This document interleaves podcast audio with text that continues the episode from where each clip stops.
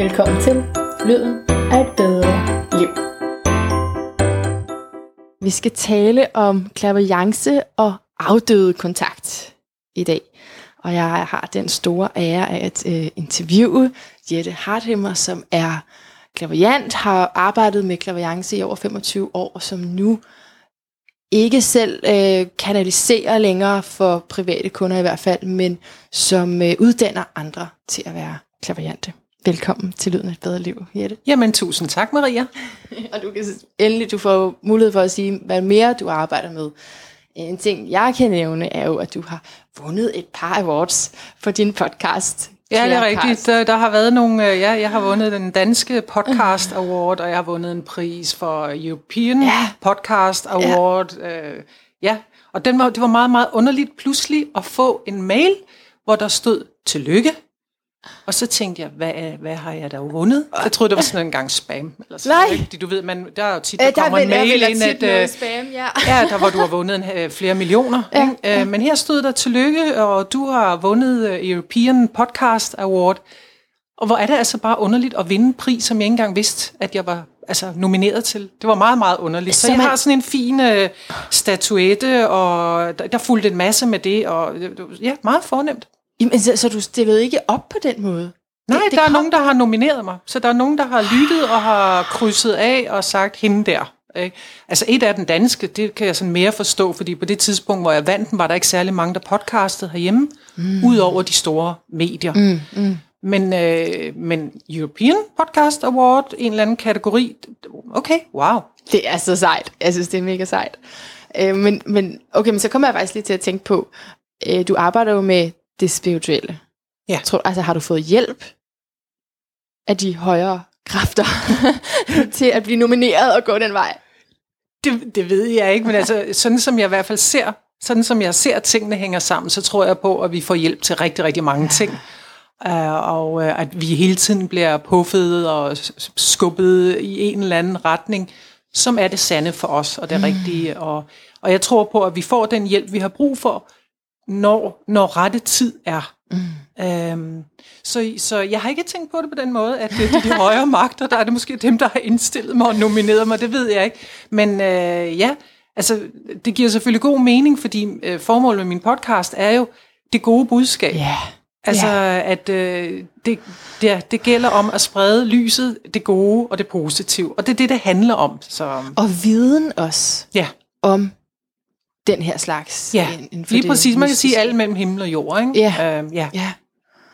Og jeg har jo, øh, vi har haft en aftale i noget tid, og derfor så er mit oplæg til dig, som jeg lige har siddet og kigget på, også lidt, lidt forældet. Nej, det er det jo ikke, men det er fordi, jeg er selv også på sådan en rejse, hvor jeg prøver at forstå, bare sådan helt groft sagt, så er jeg opvokset i noget missionsk øh, øh, kristendom, ikke?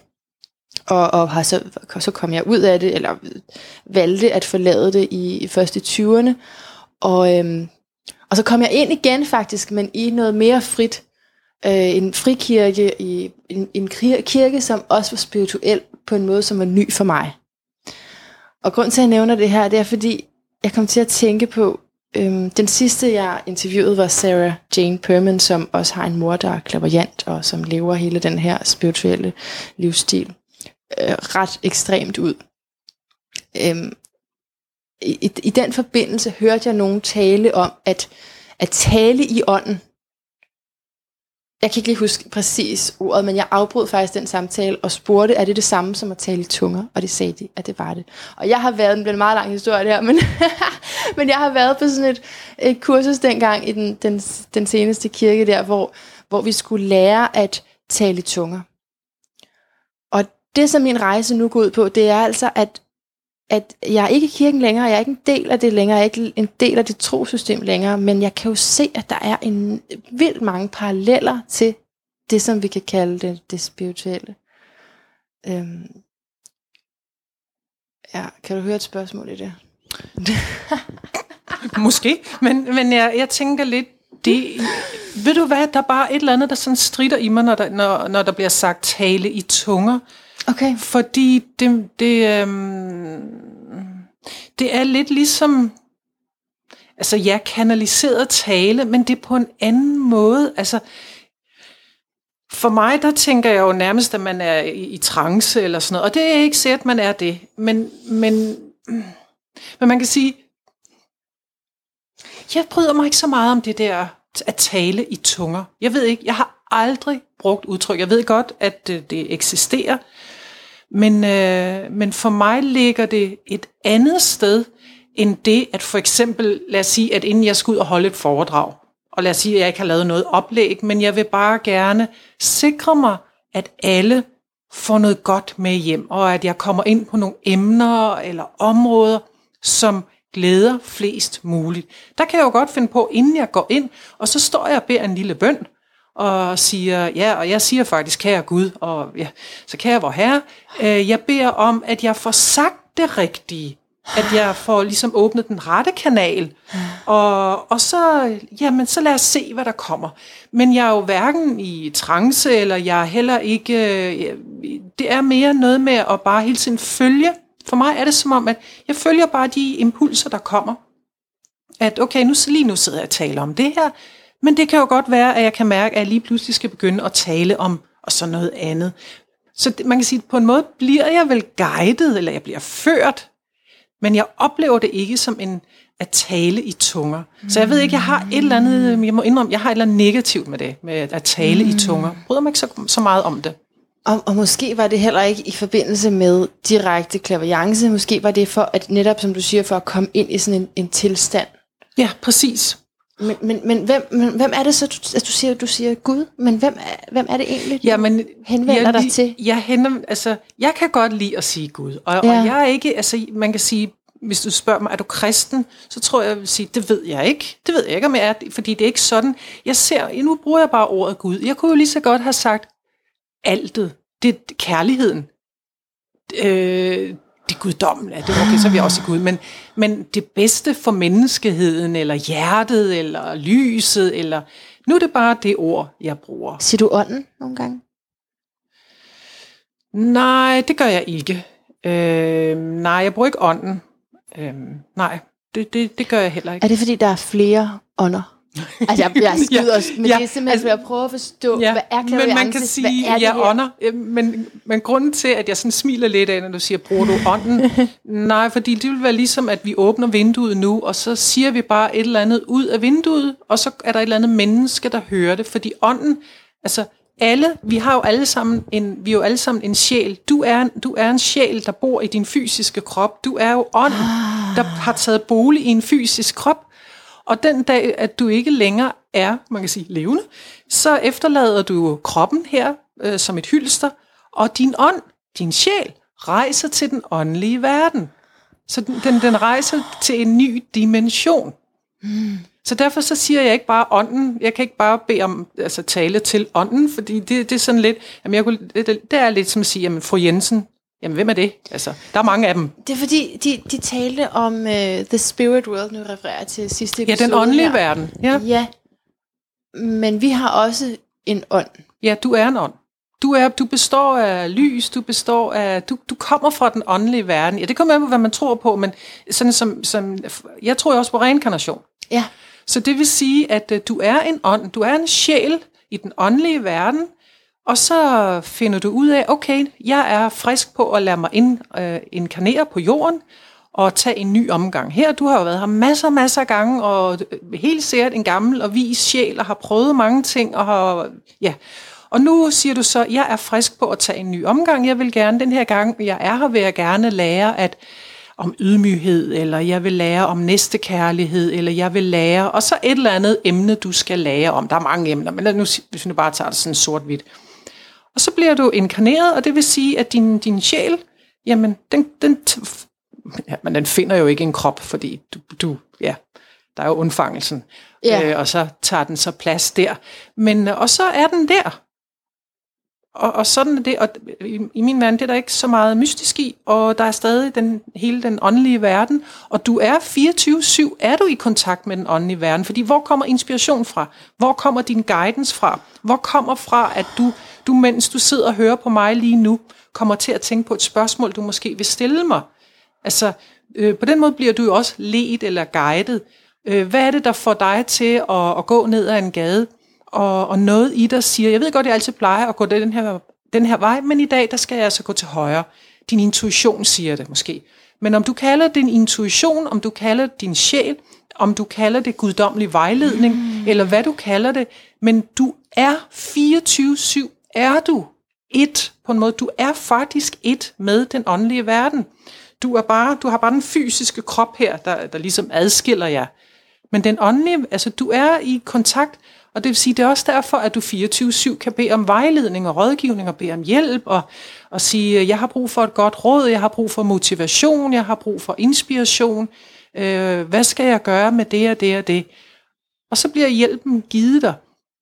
Det er jo, jeg har vildt meget intuition lige nu. Mm. Jeg har vildt mange spørgsmål til det Ja, der. og man kan sige, hvor kommer den der intuition? Og uh. hvad er det, der gør? Jeg kan også sige, hvad er det, der gør, at du nogle gange står i situationer, hvor du siger, jeg ved det bare, det her. Hvor ved du det fra? Du har jo ikke lært det. Nej, det er det rigtigt, jeg har ikke lært det. Men jeg ved det bare noget inden i mig. Men omvendt, Jette, hvad så, når man ikke ved det? Hvad så, altså den her trang for mig til at, at lade ånden komme, komme nær. Altså der er noget, som jeg ikke har kontakt til, eller adgang til.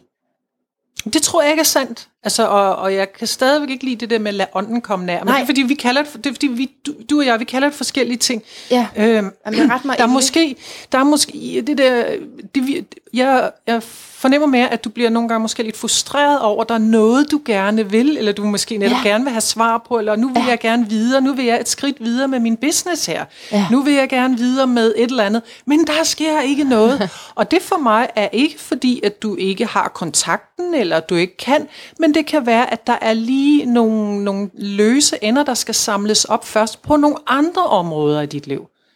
Der er jo også mange, der siger, Ej, hvorfor kan jeg ikke? Jeg er dybt frustreret lige nu. Og jeg har bedt til de højere magter. Der er også bare nogen, der kalder det, ikke? De Ja, højere magter. ja. Jeg har bedt de højere magter om hjælp til mit parforhold, noget kærlighed. Åh, oh, jeg har gået single i 17 år, altså. Jeg Ja. vil gerne have en kæreste. Hvorfor kan alle andre finde ud af det, men jeg kan ikke finde ud af det? Jeg vil gerne have kærlighed. Kære Gud, kære Gud, kære høje magter, kære lys, et eller andet. Jette, jeg er ligeglad, hvad vi kalder det, men jeg vil bare gerne have en kæreste. Hvorfor, hvorfor sker der ikke noget? Jamen, I min verden er det ikke fordi, der er noget galt med dig. Det er ikke fordi, at øh, dine bønder ikke er blevet hørt. Det er ikke fordi, at du ikke kan, eller du ikke har muligheden. Jeg tror bare på, jamen, der er måske noget andet, der er vigtigere for dig først. Du, der er måske noget, du skal gøre arbejdsmæssigt. Der er måske et eller andet, der skal afsluttes i din familie. Nogle, nogle bånd, der skal frigives der, eller hvad, hedder sættes nogle knuder på, eller sløjfer, eller tilgivelse, eller hvad ved jeg. At der er ligesom noget andet først. Fordi Og ellers først- vil man vide det. Ellers og vil først, vide ja, og først når de der ting er faldet på plads, så åbner den dør sig, der hedder kærligheden. Men lad os nu sige, at du lukker fuldstændig af for alle impulser, og du, bare, du går bare med de her skyklapper på, der siger, jeg vil have en kæreste, jeg vil have en kæreste, jeg vil have en kæreste. Så mærker du jo ikke engang, at intuitionen prøver at fortælle dig, hey, jeg tror faktisk, du skal tage et kig på dit arbejde først, og, og måske stoppe det og gå en anden vej, fordi det er du faktisk klar til. Men jeg er helt sikker på, at du har fået signalerne. Du har, der er noget inde i dig, der har sagt, gør lige dit og gør lige dat. Men så længe vi ikke gør det, jamen, så kommer vi jo heller ikke rigtig videre. Så min påstand er, og hvis du nu skulle finde på at spørge om, jamen øh, du, du sagde, at emnet var klaverjance. Det er mm-hmm. fint nok, det kan vi godt tale om, men vi kan tale om så meget andet også. Ja. Men altså, der er jo altid det der standardspørgsmål, jamen er alle klaverjante? Eller skal vi ud på en skole, hvor vi skal lære det, og vi skal give 70.000 kroner, og så skal man til en eksamen, og så, nu er jeg klaverjant. For først vil jeg rette dig og sige, jeg uddanner ikke folk til klaverjante, jeg har ikke nogen skole, men øh, jeg har øh, sådan nogle weekendkurser, hvor man kan komme og smage på det. Ah, okay. Øhm, jeg har, ja, jeg har øh, mange, mange forskellige kurser, alt inden for øh, spiritualitet, øh, spirituel udvikling og sådan. Men, men min påstand er, ja, du skal ikke lære klaverjance. Du kan det. Og ved du, hvorfor du kan det? Og grunden til, at, at, at folk altid, eller altså de fleste plejer at sige, alle kan klaverjance, det er fordi, du er en sjæl. Du er i kontakt med den åndelige verden. Du er den der med, at du har den der forbindelse hele tiden. Lad os nu sidder jeg sådan og peger opad. Den, ja. den kan være hele vejen rundt, men altså ofte så siger man, ja, jeg er oppe, ikke? den åndelige verden. Øh, himlen, himmeriget. Du har den der kontakt, og du får impulser hele dagen. Og det er også derfor, det gør, at øh, lad os sige, du går på dit arbejde, din kollega kommer og præsenterer dig for en ny medarbejder og siger, ja, hej, og her har vi så Peter, han er vores nye et eller andet, han er vores nye IT-konsulent. Og noget inde i dig, jeg mener, du har ikke mødt manden, noget inde i dig siger, jeg stoler ikke på ham. Jeg stoler ikke på ham over en dørtærskel. Jeg, ham har jeg ikke tillid til. Jeg tror ikke, han er et godt menneske. Hvor hulen har du det fra? Hvor ved du det fra? Stakkels, stakkels mand, han er lige kommet ind ad døren. Han har nogle kønne øjne, han sender dig et sødt og kærligt smil. Noget inde i dig. Og det er det der, vi hele tiden skal tilbage til. Noget inde i dig fortæller hele tiden, hvad vej du skal gå, hvad er sandt og rigtigt for dig. Det kan godt være, at alle andre siger, at du skal gøre sådan, og du skal gøre sådan. Nej, du skal mærke efter, hvad føles rigtigt inde i mig. Vi kan ikke vende tilbage til det der, hvad føles rigtigt. Og du kan være stensikker på, at hvis du har haft som den første indskydelse, for indskydelsen kommer efter 1, 2, 3 sekunder, at Peter, ham kan jeg ikke stole på. Du kan være helt sikker på, på et eller andet tidspunkt, så viser det sig, du havde ret i din antagelse. Ja. Og det er derfor, skal man sige, nu er det ikke, fordi du har stået og lavet en klaverance på Peter. Det har du ikke. Men det er bare for at demonstrere, alle har den her kanal. Og så kan man sige, hvad er så det, der adskiller dem, der arbejder professionelt med klaverance? Jamen det er jo så dem, der, der ligesom, de går skridtet videre, jamen de, de træner endnu mere og gør det, at de bliver bedre og bedre og bedre til det. Fordi det er sådan en, jeg kalder det, vi har alle sammen en klaverancemuskel i os. Ligesom du har alle mulige andre muskler i din krop, og du ved godt, hvis du skal være dygtig til noget, hvis du skal have større muskler, så må du træne dem. Du må lave noget fitness, ikke? Du, må lave nogle, du må lave planken, og du må lave armbøjninger. Ja. Sådan gælder det også med den, med den spirituelle udvikling. At, at øh, så hvis du vil klaverance, hvis du vil være mere spirituel, du vil være mere åndelig, du vil gerne have en renere kanal, en renere forbindelse, jamen, så må du træne det. Og det er jo egentlig mere det, man kan sige, øh, kurserne går ud på, eller dem, der går den vej. Og det er lidt, det er lidt ligesom, så, så ja, alle er klaverjante, men ikke alle skal arbejde professionelt med det. Ligeså vel som alle kan sætte sig til et klaver og spille. Du i hvert fald lære en melodi, men du kommer næppe ind i et symfoniorkester. Det er kun dem, der vælger at gå den vej. Mm, så, ja, wow, ja, så du, du kan have mere eller mindre adgang til det, og, og du har ret, ja, fordi der er ligesom to dele for mig i mit hoved lige nu. Det er den her, den her søgen, jeg har haft, og længsel, jeg har haft, i, den, i, den, i det religiøse miljø, efter bare, bare det her fællesskab med Gud, faktisk. Og, og ja, den her beskyttelse og tryghed og, og kærlighed og, og viden om, at man Men ved du hvad? Jeg, det, der, der, hvor jeg tror, at vi er lidt forskellige, det er, du søger det i et fællesskab eller et miljø, eller som du sagde, i den her kirke, hvor min påstand er, alt det du søger, har du i dig selv. Og det er faktisk noget, jeg, det, er faktisk, det, det er faktisk derfor, jeg føler, at det her er lidt forældet, for det er faktisk det, jeg har erfaret den seneste uge. Det er lige præcis det. Men jeg føler, og jeg føler ikke, det er en konklusion. Jeg føler, at det er mit udgangspunkt. det er simpelthen mit udgangspunkt, fordi det, det har sådan summet i mig, hvordan bruger jeg den erfaring, som jeg har fra, fra, det, fra kirken. Altså har det hele bare været en løgn? Det har jeg også nogle gange tænkt. Shit mand, så er der godt nok meget, der skal skæres af, for jeg har jo også haft spirituelle oplevelser i kirken. Men så i stedet så vente om og sige, men det, det er ånd. Det var ånd, jeg erfaret, og det er ånd, jeg er. Ja, ja.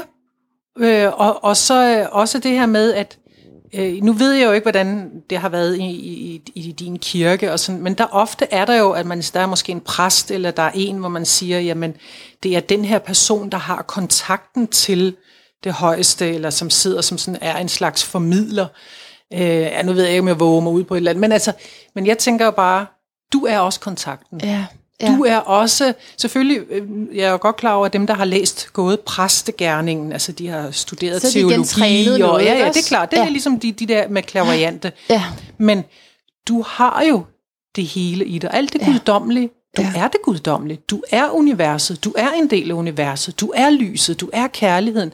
Du er trygheden. Du er alt det, som du har søgt i det her fællesskab. Og, og jeg går meget ind for fællesskab, og slet ikke det, fordi vi, på den måde kan vi også supplere hinanden, og vi kan løfte hinanden, og vi kan inspirere hinanden. Så det, jeg mener ikke på den måde, at vi alle sammen bare skal sidde derhjemme på hver vores værelse. Og, nej, nej, og sådan. Men, men, men det er bare vigtigt, at øh, jeg, der, der behøver ikke at være en, der er, der er formidleren. Øh, du, du kan jo åbne dig mere og mere. Man kan sige, hvis du ignorerer alle de signaler, du hele tiden får, og lad, lad os sige, at du bliver ved med, at nu har du fået at vide, at uh, Peter, ham kan du altså ikke helt stole hmm. på, men hmm. du, har, du har fået signalet, men du ignorerer det. Og lad os sige, i løbet af, i løbet af din dag får du mange af den her slags impulser på, på, på mange forskellige områder. Og hvis du bliver ved med at ignorere dem, så er det klart, så skruer du jo lidt ned for din åndelighed. Du skruer lidt ned for din, din, din kontakt til den åndelige verden, din kontakt til dig selv, kunne du også sige. Faktisk din kontakt til din egen sjæl. Fordi din sjæl sidder der og råber og skriger og siger, stol ikke på ham, gør ikke dit, gør dat, gør sådan og sådan, men du siger, at jeg har hørt dig med at gøre noget andet. Så lukker du egentlig ned for det. Flammen bliver lille, man sige det. Du, den du sætter ned på vågeblus, den er der stadig. Men, men hvis du derimod siger, okay, nu vil jeg begynde aktivt at handle på, og lytte til og agere på alle de signaler, jeg får, så okay, jeg kan ikke stole på Peter, det betyder ikke, at jeg skal skubbe ham ud i kulden. Det betyder bare, at jeg skal holde en vis distance. Jeg skal måske lige passe lidt på mig selv. Øh, jeg har også fået at vide, at jeg skal gøre det her og det her. Hvis du begynder aktivt at gøre de ting, som du kan kalde det din mavefølelse siger til dig, din intuition, dit hjerte, noget inden i dig siger, det er det her, der er det rigtige. Når du begynder at gøre det, så åbner du faktisk mere og mere og mere op for det spirituelle. Du, og dermed, ja. og dermed ja. din sjæl. Hvad tror du, din sjæl består af? Nu taler vi ikke om, sådan om atomer og lys og den slags. Men din sjæl indeholder virkelig alt det gode. Alt det gode, der overhovedet findes. Og hvad kan du, hvilke ord kan du sætte på det? Det kan være, du siger, jamen det er kærlighed, det er indre fred, det er harmoni, det er næste kærlighed, men, medmenneskelighed, alle, alle de her ting. Også tryghed, whatever. Alt det, du anser for at være værdifuldt og godt det er du.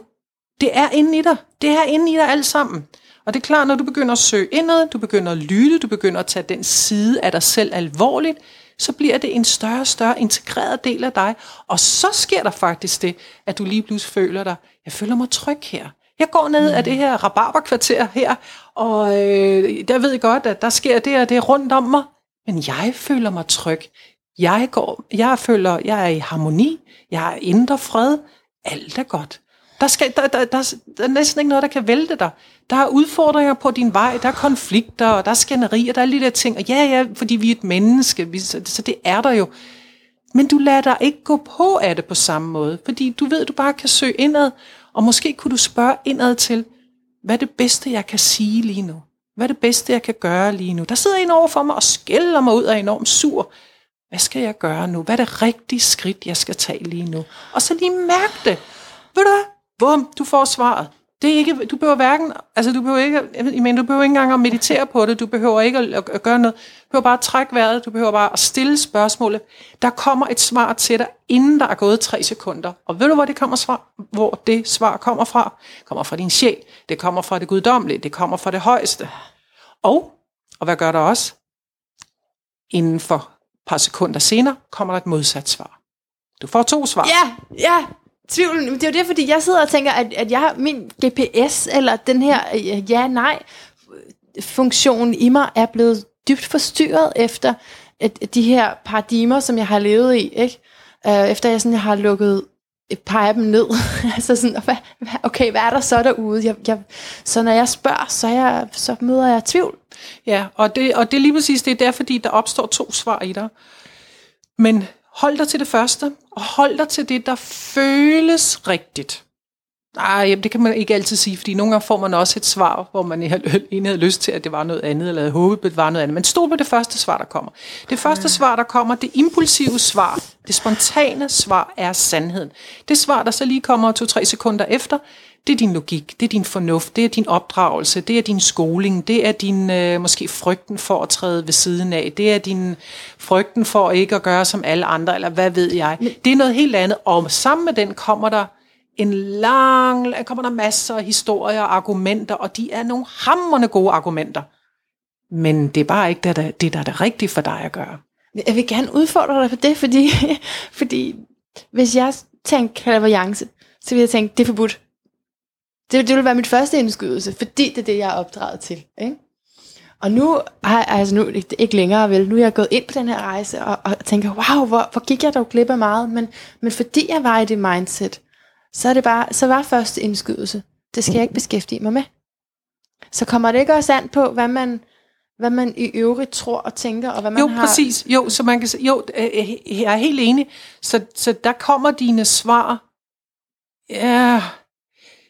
Jo, men, men ved du hvad? men læg lige mærke til en ting. Jo, du sagde, men jeg, hmm, høn eller ikke, for du sagde, jeg vil da tale om, eller jeg vil beskæftige mig med klaverjance. Det kom spontant.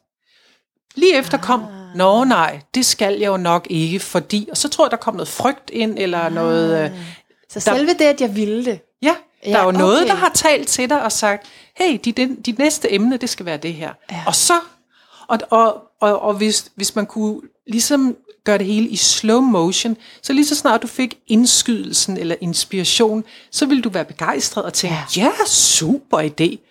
Og så spoler vi filmen en lille bitte smule frem, og så kom, åh oh, nej, jamen, det må jeg ikke, det kan jeg ikke, det skal jeg ikke, det er forbudt, eller whatever. Ikke? Og, det, og det er jo baseret på netop fortidens bagage. Det er baseret på holdninger, tanker, overbevisninger, whatever. Men den første, det er en inspiration, det er et eller andet, der tænker, gud, det kunne være spændende, det prøver jeg. Og nogle gange får vi jo også nogle, svar, det der. nogle gange får vi også ting at vide, hvor vi tænker, ja, det vil jeg gerne, og så kan vi godt mærke, at vi bliver en lille smule bange. Men det er en anden frygt. Det er sådan en, uha, det er sommerfugl, men jeg kan mærke, det er det rigtige, jeg skal gøre. Jeg mener, der sidder jo masser af mennesker, der har fået at vide, at øh, der er noget i dem, der siger, at jeg er på en forkert arbejdsplads, eller jeg er i de forkerte parforhold, eller jeg skal ikke bo her, eller jeg skulle egentlig, nu skal jeg gå i gang med at udleve min drøm. Fordi de har, det er en gentagelse, det er ligesom noget, der bliver ved med at komme til dem. Det er også et godt tegn. Hvis noget bliver ved med at komme, så er det fordi, den, den, og i min Alright, verden, den ja. åndelige verden prøver at give dig et, et hint. Ja, ikke? Så bliver det ved, og det bliver ved, og det bliver ved med at komme. Og, og så, når man lever tanken lidt ud af de, så tænker uha, nej, jamen, hvad så, kan jeg det, og øh, hvordan kommer det til at gå? Så er der selvfølgelig, der er en usikkerhed, og det føles måske ikke helt godt, men alligevel er der noget bag det, eller under det, der siger, men det er jo det rigtige for mig. Jeg ved, det er det, jeg skal gøre. Og det er den der, det er den der med, jeg ved godt, jeg er bange, jeg kan ikke forudse det næste skridt, eller sådan, men, men det føles rigtigt. Det er sådan, det må være. Og det hele skal nok lande bagefter, ikke?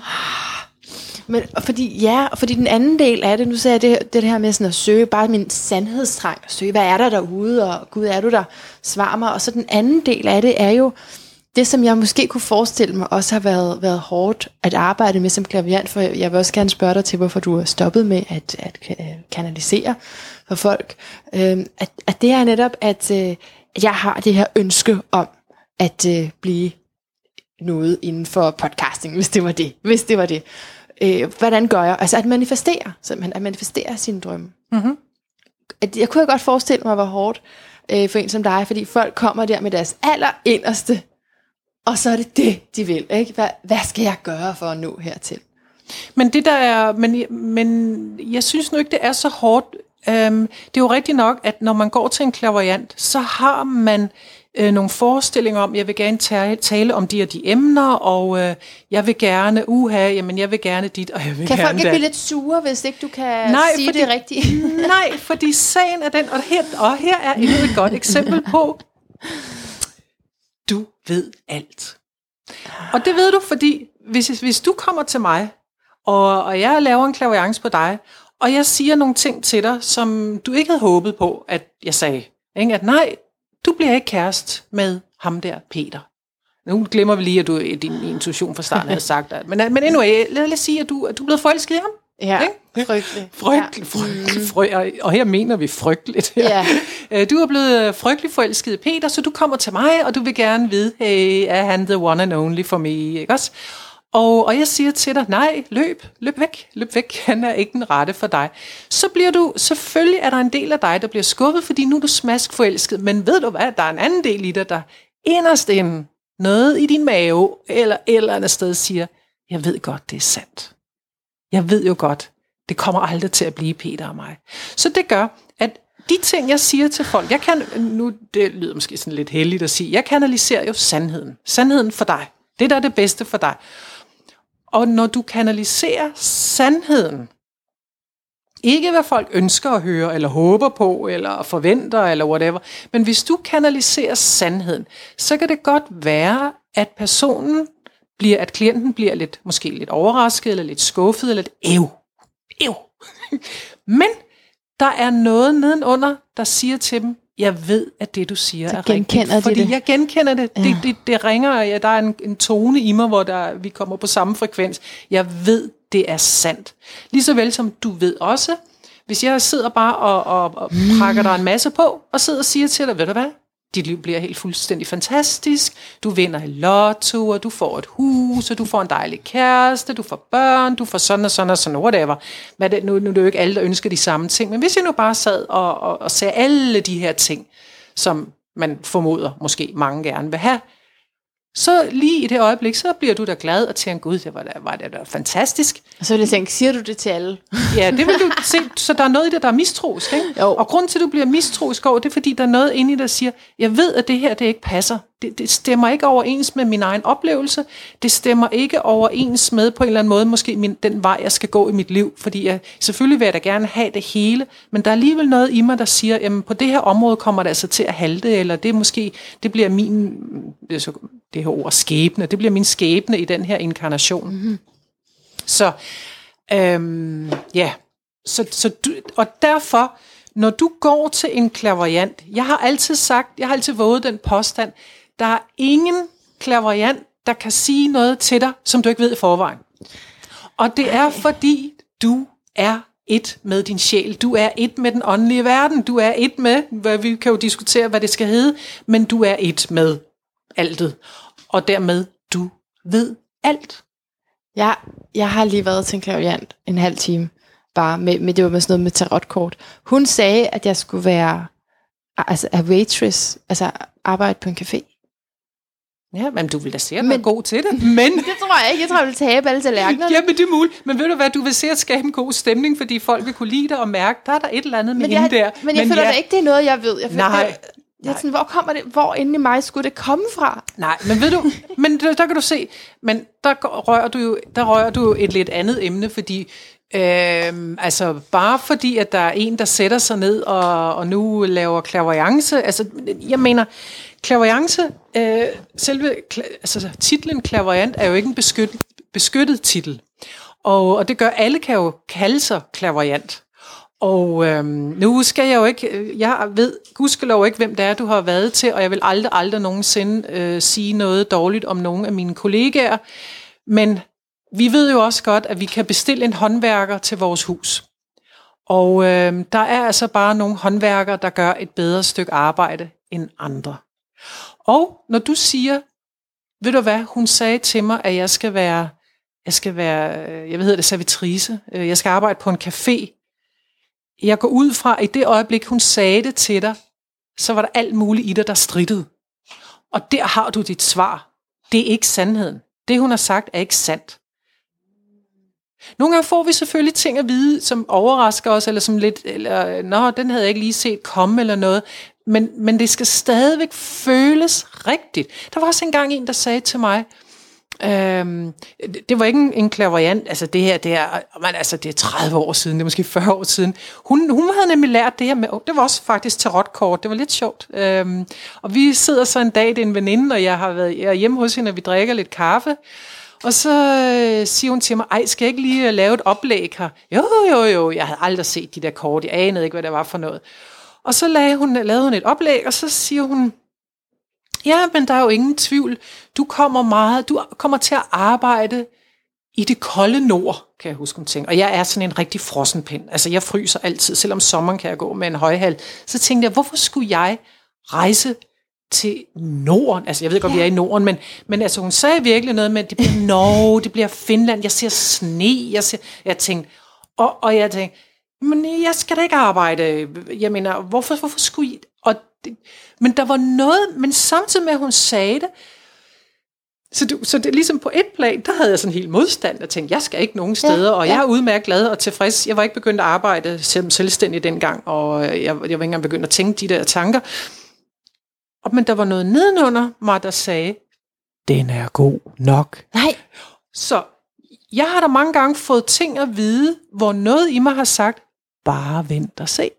Den er god nok. Men hvor mit hoved har prøvet at greje, hvordan, hvordan skal det så blive, og hvordan kommer jeg derhen, eller hvordan og hvorledes.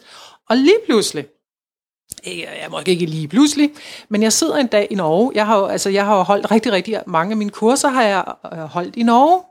Så sidder jeg i Norge, og så tænker jeg, Gud, jeg husker nu den her Ah. episode for 30 år siden. Hun havde ret.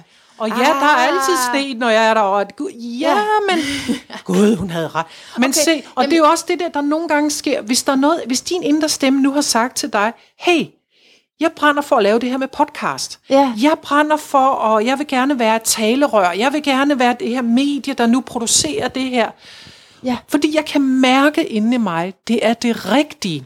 Okay, så nu, nu vender vi den om. Nu har du fået en, en information, som du ved er sand. Eller Ja. du kan mærke, wow, wow, wow, det vil Præcis. jeg gerne. Præcis. Men, men nu, det du så slås med nu, det er, at nu kommer fornuften på banen. Og så enten måske siger den, at det lyder meget godt det der, og det er også meget, det er meget smart, det er meget smart, og det er også det, det er, teknologien går den retning, og flere og flere kan sidde og lytte til podcast, når de cykler, når de er i toget. Men du skal tjene nogle penge. Men, øh, men øh, hvad, hvordan havde du tænkt dig, at du vil leve det her? Ja, Øh, ja. hvor skal pengene komme fra? Skal Ja. ja. folk betale dig for at være med i din podcast? Hmm, måske. Mm. Mm-hmm. Men nej, det kan du ikke så godt, fordi podcast er jo gratis. Ja. Jamen, øh, hvad, hvad gør? Og det vil sige, noget inden i dig har sagt, det er den vej, du skal gå. Det, det, det an- antager Yes. nu. Det er den vej, du skal gå. Men lige nu kan du ikke se, hvordan kan jeg gøre det? Hvordan kommer jeg til at kunne leve af det? Øh, jeg, jeg kan slet ikke se derhen endnu, men jeg kan mærke, det er det, jeg gerne vil. Og der kan du ikke gøre andet end, der, der, der siger jeg altid, okay, fantastisk. Øhm, bliv ved med at lytte til, hvad din intuition fortæller dig. Bliv ved med at, at stole på dens forslag, fordi den vil guide dig i den retning. Det kan jo være, at når jeg går ud af døren, så lige pludselig så kommer du til at tænke på en eller anden, som skal være med i din podcast. Og du øh, ringer til vedkommende, og vedkommende kommer, og lad os sige, at der, der sker et eller andet, hvor den her person faktisk kan hjælpe dig et skridt videre. Altså det, der, der er i det, det er, du har fået en, en besked, jeg skal arbejde med det her, eller det er i hvert fald det er min drøm, jeg kan mærke, det er sandheden for mig. Og det eneste, du kan gøre nu, det er bare, følg alle de der små impulser, der kommer hen ad vejen. Ja. Jeg skal ringe til den, jeg skal gøre det, jeg skal søge det, jeg skal, hvad ved Ja. jeg, ikke? Altså, og, og, og det er jeg helt skal, rigtigt, at, Ja, at der ligger den under med, jeg ved, at jeg skal tjene penge på en måde, ikke? Og, og det skal jeg finde ud af. Og, men, men jeg kunne personligt ikke tænke mig at lige at arbejde på en café. Øh, så vil det være alle mulige andre ting. Og, og, det er jo, og det berører jo ved emnet, som jeg ved, du har skrevet om i de sidste blogindlæg, nemlig kan, ved, ved klaverjanten alt? Har hun altid ret? Altså er det, er det, rigt, er det sandhed? Ikke? Og der siger du faktisk ja. At det, jeg at siger, det er det. Det er Hvis hun sand, har etikken på, på plads. hvis det er en dygtig klaverjant. Ja, ja. Ligesom en håndværker ved også, hvordan øh, hulrumsisoleringen skal gøres, hvis, hvis det er en dygtig øh, håndværker. Ja, altså, og så blev jeg jo ja. bange, da jeg læste det, for jeg synes Ja. ja. egentlig, hun var meget god. Og, Men- men, der står også i det indlæg, nu, ja, der, st- så jeg starter med at sige, svaret er sandt, hvis, Ja. hvis klaverjanten er dygtig. Ja, Det er en ting. Har etikken i orden? Det er, Ja. det er mere for at sikre, fordi der er altså nogle klaverante, der, der ynder at sidde og fortælle om sygdom, død og ulykke, og det er altså ikke bare, det er bare ikke i orden. Nå. Og at det vækker genklang i dig. Det skal, det skal, det skal Nå, Nå, det skal føles Okay. rigtigt Okay. inde i dig. okay. Ja. Og i dit tilfælde, når nu det hele det strider i ja. dig og siger, det er ikke rigtigt, det er ikke rigtigt det her, så, har jeg, så står der så lidt senere, du, nå ja, det, det er så et, et helt andet kapitel. Det handler sådan mere om, hvad der din mission har i livet. Men anyway, Ja. men, men øh, hvis ikke det føles rigtigt for dig, nej, så er det så sandelig ikke det. Altså, det er jo, det er jo lidt ligesom, øh, hvis, en klav, hvis, hvis du går til en klaverant, og du siger, nu skal du høre, jeg er forelsket både i Peter og i Benny. Og øh, det er de er meget, meget, meget forskellige, de to. Men øh, kære klaverant, hvad for en af de to bliver jeg mest lykkelig sammen med? Og så får du at vide, at det gør du med Benny. Og så lad os sige, at i samme øjeblik, du får svar, så er der noget inde i dig, der tænker, Nej, det er "Ew, Peter. Det er Peter. ja, jo. hvem har ret? Det har du da. Det har du. Ja, ja, okay. Og Jeg ved godt, at du gik derhen og var i tvivl. Ja. Men, men noget inde i dig er ikke i tvivl. Og så er det også noget med, hvordan man bruger det, ikke? Fordi som du sagde før med, med Norge, altså så, så er det jo egentlig bare noget, der kom i retrospekt, og på den måde blev sandhed, men ikke noget, du fulgte. Fordi det er jo det, jeg er i tvivl om. Nu hvor jeg står og skal vælge, så bliver jeg jo sådan lidt forstyrret. Så tænker jeg, altså, er- okay, skal jeg gå efter et caféjob? Altså er det det, jeg skal? Eller er det fordi om 50 år, så er det det, Så er det jeg det, du gør. Det, det ja, ved jeg jo. Altså, nej, nej, det ved vi jo selvfølgelig ikke. om det er men, noget, men skal, jeg tænker... Altså, skal jeg indrette mit liv efter det, er det jeg spørger om, og så skal jeg... Nej, ja, Nej. fordi jeg vil, øh, jeg vil aldrig synes, du skal indrette et liv efter, hvad en klaverant har sagt. Det, du skal indrette dit liv efter, det er, hvad din indre stemme fortæller dig. Og hvis din indre... Og så, så lad mig spørge dig.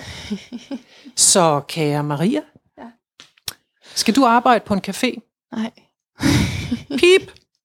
Og der vil højst tænkeligt være en anden stemme i det, der siger, men øh, det kunne jeg jo egentlig godt. Jeg kunne faktisk godt arbejde der, fordi... Der er en stemme, der siger, at det vil ikke være til fælles gavn. Det vil, altså, det vil, Ja, det vil ja. ikke gøre nogen glade. Nej, nej, også- nej, og, det, og mindst dig, ikke også? Og, Og det, du, du, det, og du er sådan set den vigtigste her, ikke? Men det kunne jo godt være, at der var en stemme, der sagde, Nå, men det var måske ikke så tosset at arbejde der for en periode, mens du bygger det andet op. Så kommer der der mindste smør på brødet. Så det kunne jo være en stemme, der sagde det. Ja. Men stadigvæk, der vil jeg jo sige, altså hvis det strider i dig, så strider det i dig, og så er det nej. Så er det et nej, så skal ja. du gøre noget andet. Og, og men den her, den kommer jo næsten altid med, med nogen, der jo gerne vil gøre noget godt for verden. Den her med, jeg kan mærke, at jeg skal gøre, eller jeg vil gerne gøre en forskel, og jeg har også, nu har jeg også noget på hjertet, og jeg vil gerne ud med det her. Jeg kunne sagtens tage, tage, tage lavpraktiske jobs, men, men det skulle være noget, jeg sådan kan se, at, at, at jeg faktisk kan. Ja, ja, altså det skal være noget, som, som giver mening for dig. Men Ja. der, er jo der er jo altid den der med, jamen hvad med penge? Fordi Ja. man, der er okay, kan du leve af at, at podcaste? Det ved jeg faktisk ikke. Øh, det, det, måske er der, jeg tror faktisk, der er nogle amerikanere, der gør det. Ja. Og, øh, men det gør de så måske på sponsorater eller reklameindtægter eller sådan noget. Jeg ved det ikke. Men jeg tror, at der er lige så vel som, der er også folk, der laver YouTube-videoer, altså, og øh, er gigamillionærer nærmest, fordi, men ja. Det er jo meget på, også igen på reklame og sponsorater, sådan, ja. så det kan jo sagtens lade sig ellers, gøre. Ellers så er det den vej, man må gå og tage et eller andet Ja. øh, job, man nu kan Men, imens. men jeg har altid holdt på, det der er det vigtigste, det er, det er ikke at følge pengene. Jeg er godt klar over, at du skal jo have, du skal kunne betale en husleje, og du skal jo have noget at spise hver dag. Det er, det er jeg helt med på. Og det, det er selvfølgelig også det, som mange lader sig styre deres, deres valg af. Det er ud fra, hvordan kan jeg overleve? Hvordan kan jeg tjene penge? Og, men men det, det, den rigtige måde at gøre det på, er faktisk lidt at glemme pengene. Og sige, hvad er det, jeg brænder for? Hvad er det, der er mig? Hvad er, ja, hvad er mit sande jeg? Hvad siger min sjæl, at jeg skal? Og hvad, hvad føles rigtigt? Og så har jeg bare den overbevisning, og jeg har, og, og jeg har også som en erfaring, fordi den har jeg gjort mig igennem rigtigt, jeg har oplevet den så mange gange, at hvis jeg tør følge det, som min intuition fortæller mig, at jeg skal gøre, og begynder at tage de skridt, selvom jeg ikke kan se hele vejen til målet. Jeg kan kun lige se, når man lige nu skal jeg måske ud og købe en ny mikrofon. Ikke også? Altså, det er det, mm. jeg skal. Jeg skal finde et sted til, hvor jeg skal lave det, eller jeg skal ringe til en, den næste, der skal interviewe. Det, det er jo små ting. Men hvis jeg bliver ved med at lytte og handle, lytte og handle og lytte og handle, så bliver jeg ført hen til mit mål. Det er den ene ting. Og det andet er, pengene kommer af sig selv. De kommer som et biprodukt.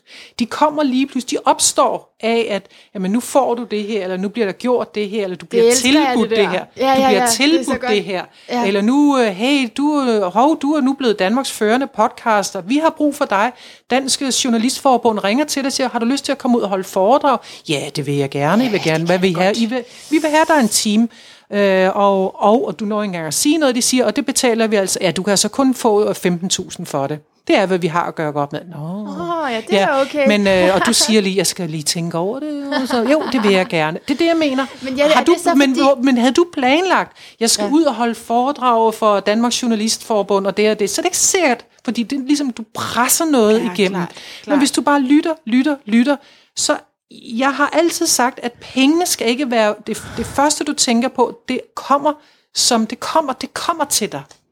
Som et biprodukt af at gøre det, som dit hjerte fortæller dig, at du skal gøre. Ja, og det er lige præcis det, jeg vil spørge om. Altså, at- at det, som hjertet fortæller os, er det så, fordi vi, vi er, nu skal jeg prøve at lade være at sige ånd igen, men, men så det, Men jo, du må gerne sige, at du er ånd. Bare det der med, jeg skal ikke have en ånd ind, eller Nej. det der. Det mere den der?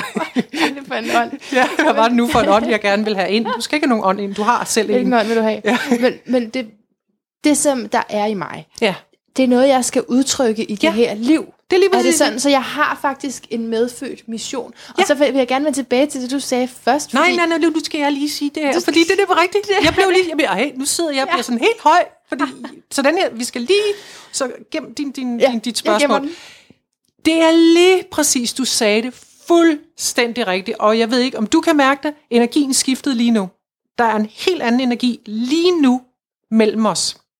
Og den sker, kan du mærke det? Mm. Ja, altså jeg sidder faktisk og får kuldegysninger på benene.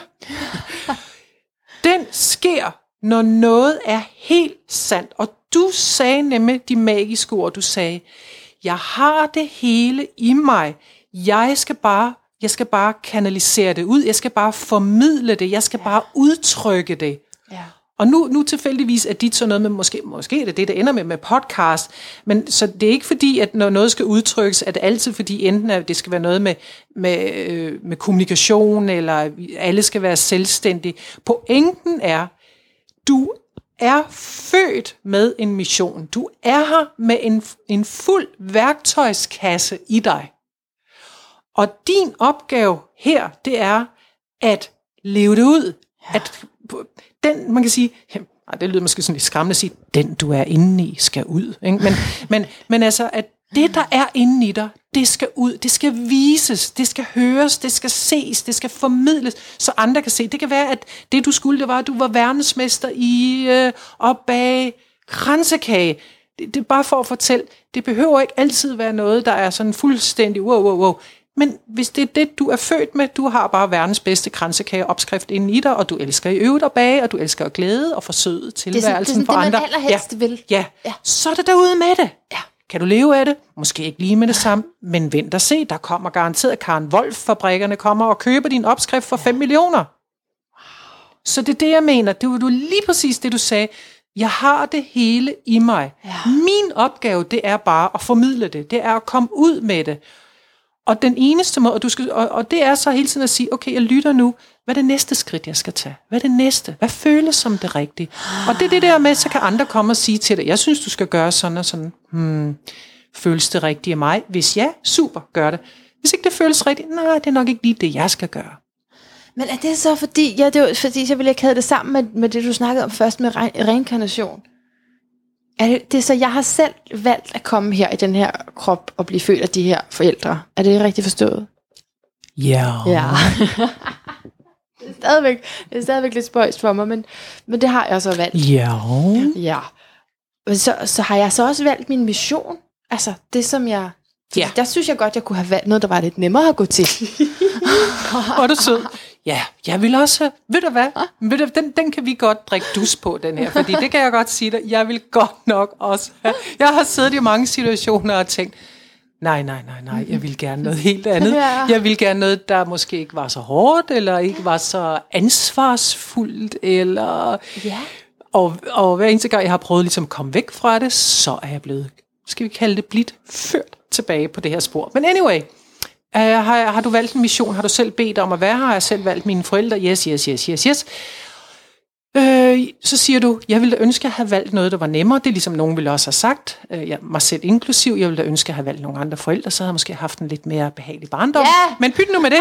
Lad, lad det nu være. Fordi det viser sig, at alt er perfekt, som det er. Jeg kan kun være den, jeg er i dag, eller jeg er den i dag, og jeg står der øh, i dag på grund af den opvækst, jeg har haft. Altså, jeg har jo lært, selvfølgelig har det jo lært mig noget. Ikke? Ja, jeg ville ønske, at det var noget andet, men faktisk, når jeg ser tilbage nu, det var faktisk perfekt nok. Det er okay. Det er det, der anyway, det er som det er. Klart. Og øh, det har givet mig hår på brystet. Det er fint. Klart. Og det skal jeg måske bruge i en anden sammenhæng. Ikke? Men ja, du har, valgt, øh, du, har, du har valgt, hvad du er her for. Okay, kunne jeg have valgt noget, der var nemmere? Jeg vil sige, det er faktisk et tegn på, når du har valgt noget, der er hårdt, og du oplever, eller du oplever det som hårdt, så er det faktisk fordi, at øh, du er en rigtig stærk, vis sjæl. Du har haft mange, mange inkarnationer på bagen. Du har haft alle de der inkarnationer, hvor det var nemt. Du har bare siddet på din flade. Der har været liv, hvor du egentlig ikke har lavet så meget. Der har måske været noget, hvor du bare har, du ved. Og nu, hvor det lige kræver lidt mere, det, du kan kun få sådan nogle opgaver, hvis din sjæl er til det, altså hvis den har erfaringen, og hvis den kan det, altså hvis den har en vis pondus. Så rigtig mange, du vil, altså, så, så, så rigtig mange, der har en virkelig hård vej i deres liv, det er faktisk de, de seje sjæle. De, de virkelig... De, de beder selv om det? Jeg lyder det ikke fuldstændig åndssvagt? Jo. Jo. Men øh, ja, det gør man. Øh, og, og man kan sige, når du og jeg sidder her med vores logik, så virker det så far out, fordi hvis jeg med min logik skal vælge et liv, så vil jeg vælge et liv, der var stille og roligt, harmonisk. Glamourøst, tak. ja, bare sådan helt, helt roligt, og jeg, jeg kræver ikke sådan en, jeg kræver ikke, jeg kan, jeg kan mærke, at jeg er ikke sådan en, der kræver en masse guld og gods, men bare det, tryghed, og jeg har et hjem, og har tag over hovedet, og, og faktisk det, mad. du sagde før, ikke også det, at man bliver brugt for det, man nu er. Ja, og jeg er glad for det, jeg laver. Det kunne være, Ja. at jeg var gartner, at jeg gik og skuffede ude et eller andet sted. Det, det er lige meget.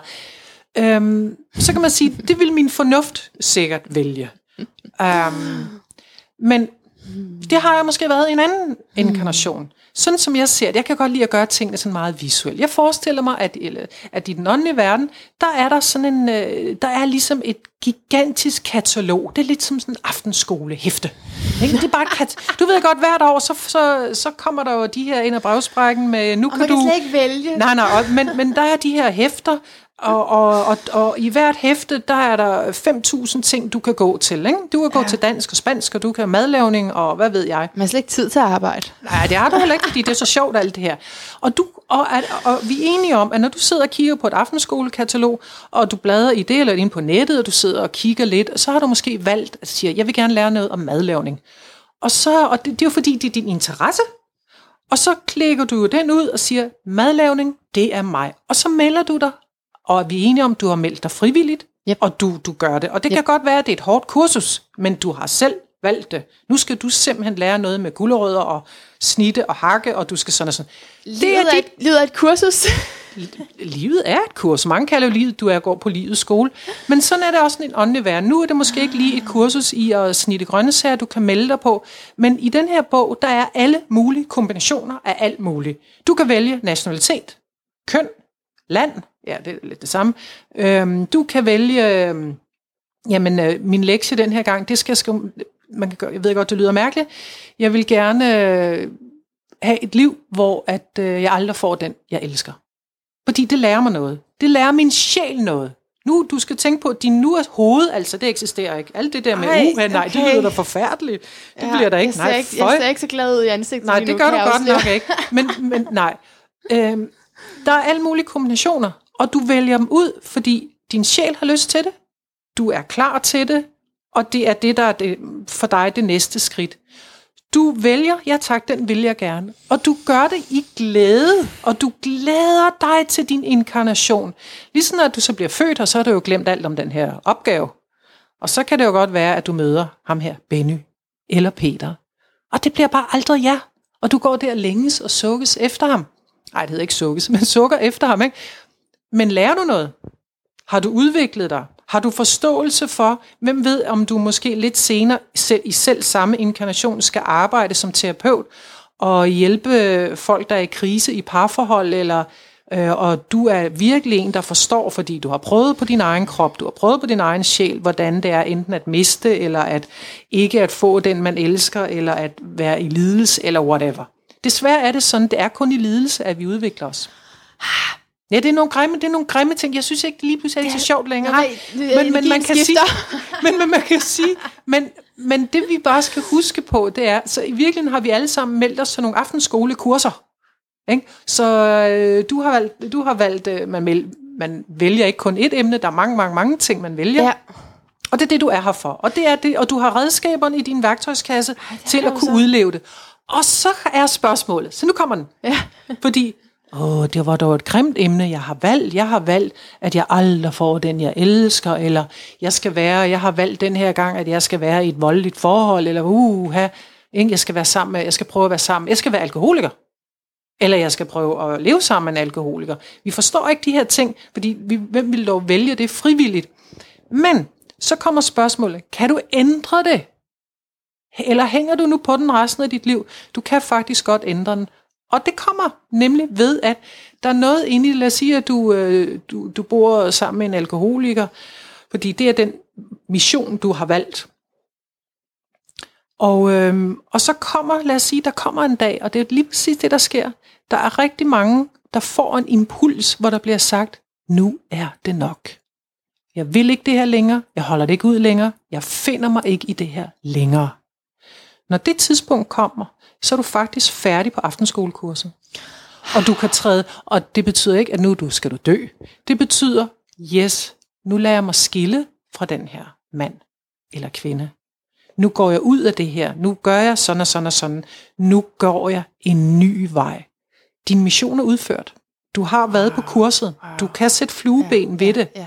Men rigtig mange hænger, hvis, altså lad os sige, en klaverjant nu har sagt til dig, hey, du skal være i et forhold, det står i bogen. Det ja. står i bogen, at ja. du skal være sammen med en alkoholiseret mand. Nå, tænker den her stakkels kvinde, nå men super, jamen så, så kan jeg lige så godt bare, ja, så bliver, ja, fordi det står, det er min skæbne, men sådan nej. er det ikke. Nej, nej. Du er og det er derfor, jeg godt vil kalde det ligesom aftenskolekurser, fordi jeg mener, du melder dig jo heller ikke til et fransk kursus, og når sæsonen er gået, og så bliver du siddende inde i klasseværelset, og altså sidder der de næste 15 sæsoner, og altså, jeg mener, alle andre, de, når de har lært det, de skal lære, så går de. Ja. Og det gælder også med os. Når vi har lært det, som vi ligesom har krydset af, jamen så kan vi da bare vælge noget andet. Og hvornår ved du, om du har lært det? Det ved du i det øjeblik, at noget inden i dig siger, nu er det nok eller jeg skal noget andet, eller der kommer en inspiration, en lyst til, ej, kunne det ikke bare være fedt, at sådan og sådan og sådan, eller jeg er blevet smaskforelsket i den her person, og det føles så rigtigt inde i mig. Way, okay. Go for din, that. Ja, yeah, go for that. Yeah. Uh, din, du har, din kursus er slut. Der er ingen grund til at, at hænge fast i det. Ja, det, ja, det har det. Jeg har alt mange spørgsmål til dig. Vi, altså, emnet, Ellers så snakker jeg for meget. emnet var jo klaviance det var og det, vi... afdøde kontakt. Ja, vi har ikke så... noget... Nej, men det er, ja, men det måske... Men, men altså, så lad mig spørge sådan her. Det som, når vi, når vi kanaliserer og, og får svar og får beskeder, er det så døde menneskers svar? ja, det er altså deres svar, deres sjæle, der svarer. Uh, altså... nej, altså... Åh, oh, nej, nej, nej. Det, det, det kommer virkelig an på. Generelt, når noget svarer inde i dig, Altså hvis når du sidder og stiller et spørgsmål, ja. jeg vil gerne vide, hvad det næste skridt, jeg skal tage, eller hvad er ja. sådan og sådan, så er det ikke en eller anden øh, afdød onkel et eller andet, der svarer dig. Nej. Altså det er, og, og, det, det, ja, og, og der er vi tilbage til, hvad skal vi kalde det? Skal vi kalde det Gud? Skal vi kalde det lyset? Skal vi kalde ja. det intuition? Der er det, det men, er det højeste. Men hvis jeg går så der som klaverjant, Ja, nu for det første, øh, jeg har aldrig lavet afdøde kontakt, ja. så det, det hører ikke til et af mine kompetencer. Så det er ikke det samme? Nej, altså klaverance, øh, den, altså der er mange klaverante, der også arbejder med afdøde kontakt. Ja, øh, ja. Jeg synes, det er mere rigtigt at sige, hvis et, det er et medie. Et medie, kan man sådan lidt, lidt groft sagt, kan man sige, et medie er sådan et talerør, altså forbindelsesled mellem den, den fysiske verden og den åndelige verden, eller man kan sige telefonrøret mellem de to sider. Så, så den medie kan sådan være midt imellem, og, og få beskeder fra den åndelige verden, som man kan formidle til den fysiske verden. For eksempel en, der sidder her og har mistet sin afdøde, altså eller har ja, mistet en, ja. en man, man kender, et familiemedlem. Og så kan, kan der ligesom foregå en kommunikation der. Men der kan man sige, hvis det nu var det, jeg gjorde, ja. ja så stiller jeg jo spørgsmål. Der stiller jeg jo et spørgsmål til en specifik afdød. Altså ja. jeg får jo at vide, at det er, det er Marius Jensen, øh, som boede i Skelskør. Ikke? Og det er jo så den ånd, jeg ligesom ringer til eller kontakter. Og hvis ellers Marius gider, så vil han svare, og så kan vi have en dialog, hvor jeg så kan være telefonrøret mellem jer. Så det er et medie. Så på den måde er det noget andet. Ja, ja. Og, og det vil sige, at den, der svarer, skulle jo så gerne være Marius, og den eneste, der egentlig kan øh, vide, om det er Marius, eller om der er en anden, der nu har taget telefonen og synes, det kan være hyggeligt, jeg hører en telefon ringe, jeg melder mig lige ind her. Det er dig, fordi du kan stille spørgsmål, som kun du og Marius kender. Ja. Og på den måde kan du få bekræftet, den er god nok. Og det er også hans måde at svare på, eller hvad ved jeg. Så, så der ved du, hvem det er, der svarer. Men ellers, når du, når du skaber øh, kontakt... Som klaverjant, ved du ikke, hvem du snakker med? Nej, som klaverjant, der, der vil... Eller, oh, det, det skulle jeg gerne. Men, men, hvis nogen, men igen, vi er tilbage til, når, når jeg får nogle, nogle beskeder eller budskaber til min klient, så er der ikke en afsender på. Der er ikke en, den her kommer fra den og den person. Jeg vælger at, at sige, det kommer stadigvæk fra det guddommelige højeste. Det kommer stadigvæk fra altet. Eller jeg kunne sige fra Gud. Men der skal man jo passe på, fordi hvis nogen har nogle hang-ups på Gud, så er det måske ikke så smart.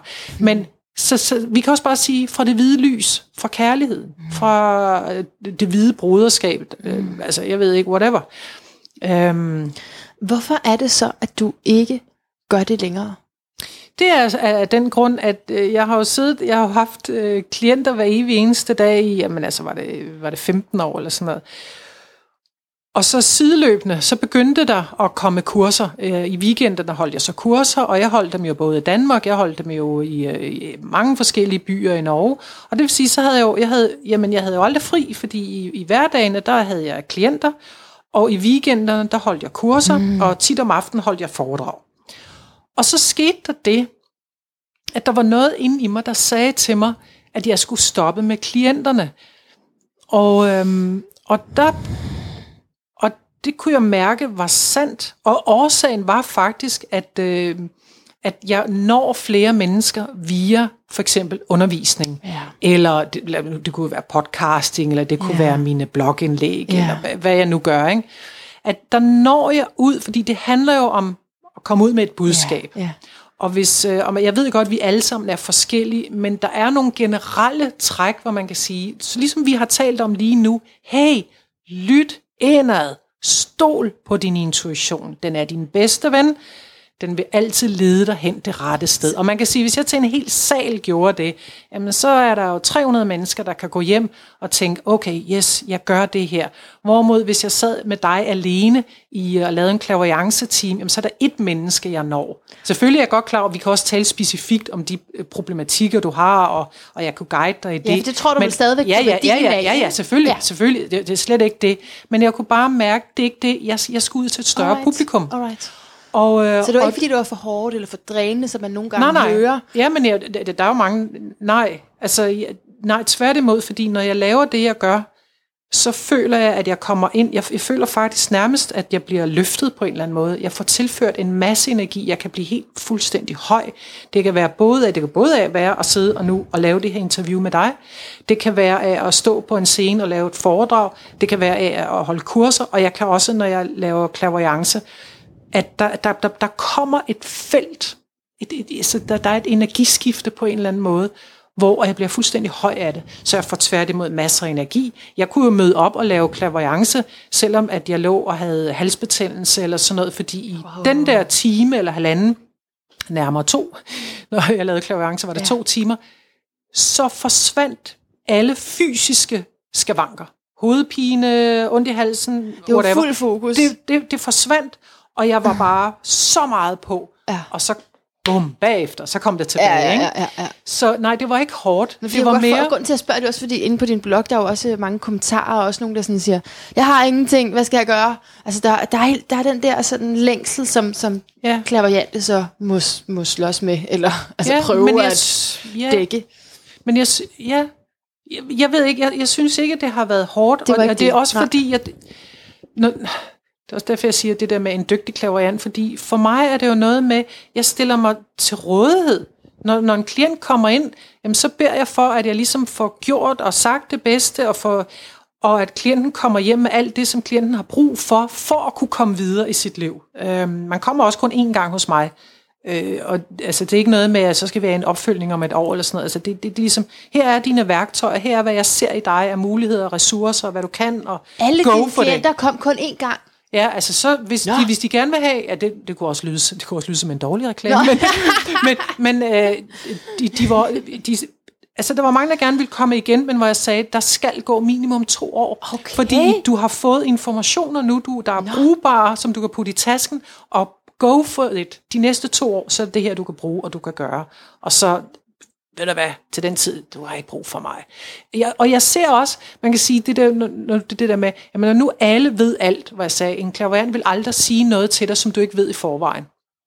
Hvordan, hvorfor skal man så gå til en Så de er klaverant? overflødige. Ja, på, på en måde. Ikke? Så Ja. nu har jeg lige gjort alle klaverante arbejdsløse. Ja. Men, men det du selvfølgelig bruger en klaverant til, det er at blive som jeg ser det, at blive bekræftet i det, du ved. Fordi når jeg sidder og laver en klaviance på dig, så, og jeg, lad os sige, at jeg havde sagt til dig, hey, jeg kan se, at du arbejder med yoga. Ved du hvad, jeg oplever, at øh, din styrke, det er formidling. Jeg ser noget med, jeg ser noget med mikrofoner, og jeg ser noget, lad os nu sige, det var det. Ja, yeah, ja. Yeah. Så vil du jo inde i dig tænke, yes, det har, jeg ved det godt, det har jeg da vidst i lang tid, men ja. måske har jeg ikke helt tur tro på det. Ja. Men nu møder jeg en, der overhovedet ikke kender mig, og hun fortæller mig alt det. Så det vil sige, jeg bekræfter dig i noget, som du ved i forvejen. Jeg bekræfter dig i sandheden. Det er så skørt. Og altså, det er det, du, du kan bruge det til. Du samler ja. op på min ånd, faktisk. Mm. Eller min, min sjæls svar. I hvert fald de de, det, du skal. Altså, så jeg sidder ikke bare og læser dig, og Nej. læser ligesom, hvad du håber på, jeg vil sige. Men jeg læser det, der er det sande for dig. Og, og derfor, når du går ud af døren, så vil du synes, det var en fantastisk klaverance, og den er selvfølgelig meget brugbar. Du har ikke fået noget at vide, du ikke vidste i forvejen, men et menneske, som overhovedet ikke kender dig, har bekræftet dig, og på den måde har du fået... Du, så, så det, det gør for dig, det er, du føler dig mere sikker nu. Det er den vej, jeg må gå, fordi nu er den her klaverant, der slet ikke kender mig, hun sidder lige pludselig og taler om mikrofoner og ledninger, og hvad ved jeg. Jeg så du kan bruge det som en bekræftelse? Jeg skal have en til at sige det der til mig, det kan jeg mærke. Jeg skal, jeg skal finde en, der vil sige det til mig. Ja, det må give en enorm lettelse, ikke, at man faktisk mm. er på den rette vej. Og, det, og det også, så, så jeg synes faktisk ikke, det er hårdt at lave klaviance, og selv når folk får noget at vide, hvor de måske bliver ked af det, at nej, det er ikke Peter, der bliver din kæreste, mm. og du kommer til at få det svært med det og det, og du får ikke lige det her nye arbejde her inden for den, det næste år, der kommer til at gå det længere tid, fordi jeg ser, at der er lige noget du andet, du skal arbejde med eller gøre først Folk bliver, selvfølgelig kan man godt, de kan godt blive kede af det og græde, men ved du hvad de også siger? Tak. Fordi jeg mærker, det rigtigt. Jeg ved, det her det er sandt. Hvor er det dejligt, at du er ærlig. Altså. Ja, ja. Og ikke bare siger, ja, ja, det job, det får du. Hey, go for it. Bye bye. Hit med nogle penge, ikke? Der er meget, man kunne snakke også om, omkring det her med at være, være ren som, som kanal, og ikke blande sin egen dom. Også fordi det er, jo, det er et super farligt emne, det her, fordi ja. at øh, vi arbejder med noget, som er usynligt. Ja. Og det er derfor, at jeg siger, at etikken er så vigtigt, og, nu, og du kalder det at være ren. Ja, mm. nemlig, fordi jeg kunne jo sidde og bilde hvad som helst den. Jeg kan jo sidde og sige så, nej, nu står der den her engel ved din højre skulder, ja. og der sker det og det, og jeg ser, ja, jeg mærker, ja, det, det, mener, ja, jeg mærker, mærker, uh, hvor er det fantastisk, fordi det er ja. usynligt, ja. og der er jo også selvfølgelig, og det er forståeligt, man lapper det i sig, ja. og fordi vi har brug for det. Ja. Vi vil så gerne vide, at vi er elsket, vi, har, vi ja. vil gerne vide, at vi er beskyttet, at vi er okay, og ja. vi skal nok klare den, og, og man kan der venter os et godt liv. fantasivenner, ikke? Dem kan man godt finde jo, jo, jo, jo, jo, altså, så selvfølgelig selvfølgelig, det vil være den nemmeste måde at tjene penge på. Det var der bare at sige og fyre en hel masse af, som, som glæder dig. Men jeg ved, at i samme øjeblik, at du går ned på gaden og kommer ud, ud på gaden, at der vil være noget inde, inde i det, der siger, at det her det smager ikke rigtigt. Der er Nej. et eller andet, der, der er galt. Fordi din sjæl ved jo udmærket godt, man kan sige, hvad frekvens du er på, eller hvilken spor du er på i dit liv, eller hvad dine kompetencer er, eller hvad det er, der står i din, den store bog. Ikke? Ja. Altså, det ved den da godt. Ja, det er nødt til at afslutte nu. Nu, nu gør jeg det. jeg skal spørge dig, om, øh, om du har øh, et spørgsmål til, øh, jeg skal lave et, øh, et, et live-event her, og når man hører det her, den her podcast, så har live-eventet allerede været. Øh, jeg er meget spændt på, hvordan det går. Emnet er at øh, leve et anderledes liv, og jeg skal snakke med Mette Klargaard og Annette Sahara Hørning, øh, som begge to er spirituelle kvinder lige omkring de 50 år.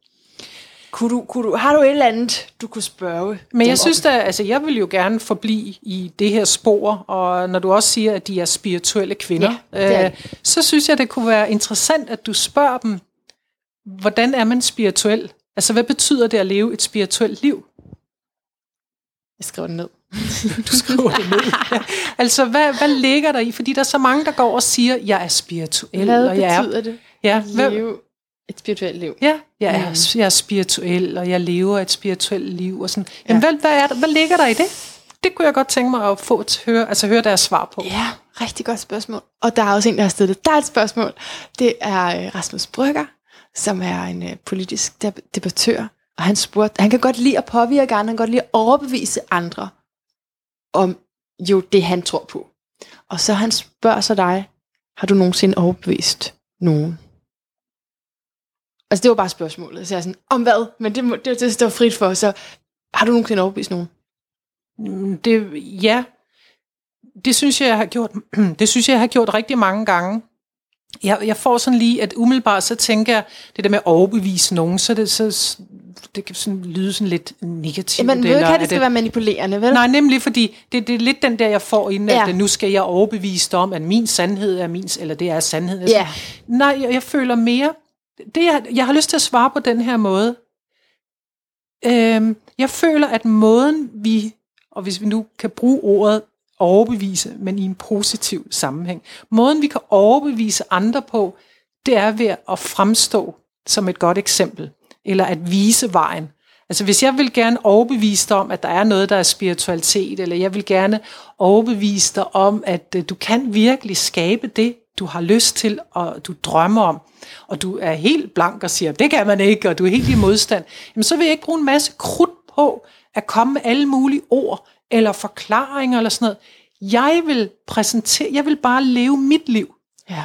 Og du, som så følger mig som en veninde, Ja. vil begynde at sige, det var da utroligt. Hver eneste gang, der er noget, du sætter dig for, så lykkes det. Hver eneste ja. gang, du siger sådan og sådan, og selvom man får at vide, jamen det kan du ikke, eller der er fuldt hus, eller der er optaget, og det kommer, du kommer aldrig ind, eller whatever, så kommer du ind alligevel. Du gør alle de der ting, som er umuligt. Så kommer du af dig selv, så, Du så begynder du overbeviser på den måde. Ja, og ved, det er ved at gå vejen. Ja, fordi så vil du, og så vil du også være lydhør, fordi så kommer du til mig og stiller spørgsmål. Hvordan gør du? Og Ja. det vil sige, at du er helt åben nu, og så kan jeg Ja. jo sige, jamen du skal bare gøre sådan, og du skal bare gøre sådan. Jeg, så jeg føler, at det er den måde, man gør det på. Klar, det giver mening. Har du en yndlingslyd, en lyd af det bedre liv? Øh, Det første, jeg kommer til at tænke på, det er lyden af børns latter. Mm, babyer? De er også Babyer, ikke? jamen babyer, skraldgrine. der, der bare går, ja, det går helt i selvsvinger over Ja. grine, men, men børns latter, Ja. fordi det er bare, ja. ja, Det, det, kan, altså, det kan slå en streg over alt, ikke? Men ellers måtte have oplevet med dem. Bare grin. Ja. Okay, tusind tak, Jette Hartheimer. Det var en udsøgt fornøjelse at snakke med dig. Jamen, øh, og tak fordi du inter, altså, tak for, at du øh, inviterede mig og interviewede mig. Det er jo Ja. lidt usædvanligt for mig at sidde i stolen og bare sådan sidde og vente på at få spørgsmål. Men øh, det var ja, men fantastisk, og jeg har nydt det. Det har været rigtig dejligt, så tak for det.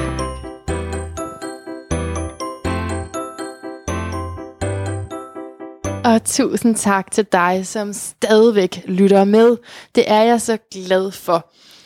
Og jeg vil også godt sige tak til dig, fordi du bærer over med mig, og altså fordi du, du hører jo min historie et par gange, og, og så prøver jeg ligesom at, at dykke længere ned i, i det, der er mit ærne ved at, at beskrive den inden for en anden kontekst, kan man sige. Men, men det er jo bare min historie, og det, du kommer højst sandsynligt fra en helt anden historie, en helt anden baggrund.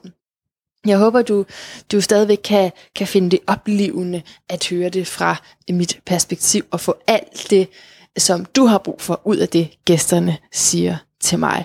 Jette Hartlemmer er helt sikkert en, en kæmpe inspiration for det her med at, at lade mig føre og lade mig guide og stole på, at det hele, det skal nok gå, at svarene, dem har jeg i mig. Hvis du har lyst til at vide mere om, om min personlige rejse, så er der altså mariagulær.dk-bloggen, hvor jeg hvor jeg øh, ikke sparer på øh, de emotionelle op- og nedture.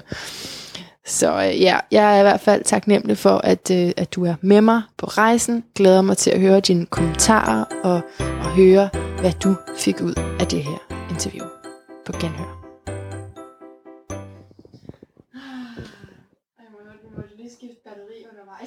Ja, jeg tænkte bare, men jeg sidder bare og taler imens. Jeg, var, jeg kender godt selv det der, ikke? Så det er ikke der, hvor, hvor og det- den anden sådan, skal jeg vente? Skal jeg bare sidde? Så tænk, nu går jeg, nu går jeg bare i selvsving. Og, ja. Mm.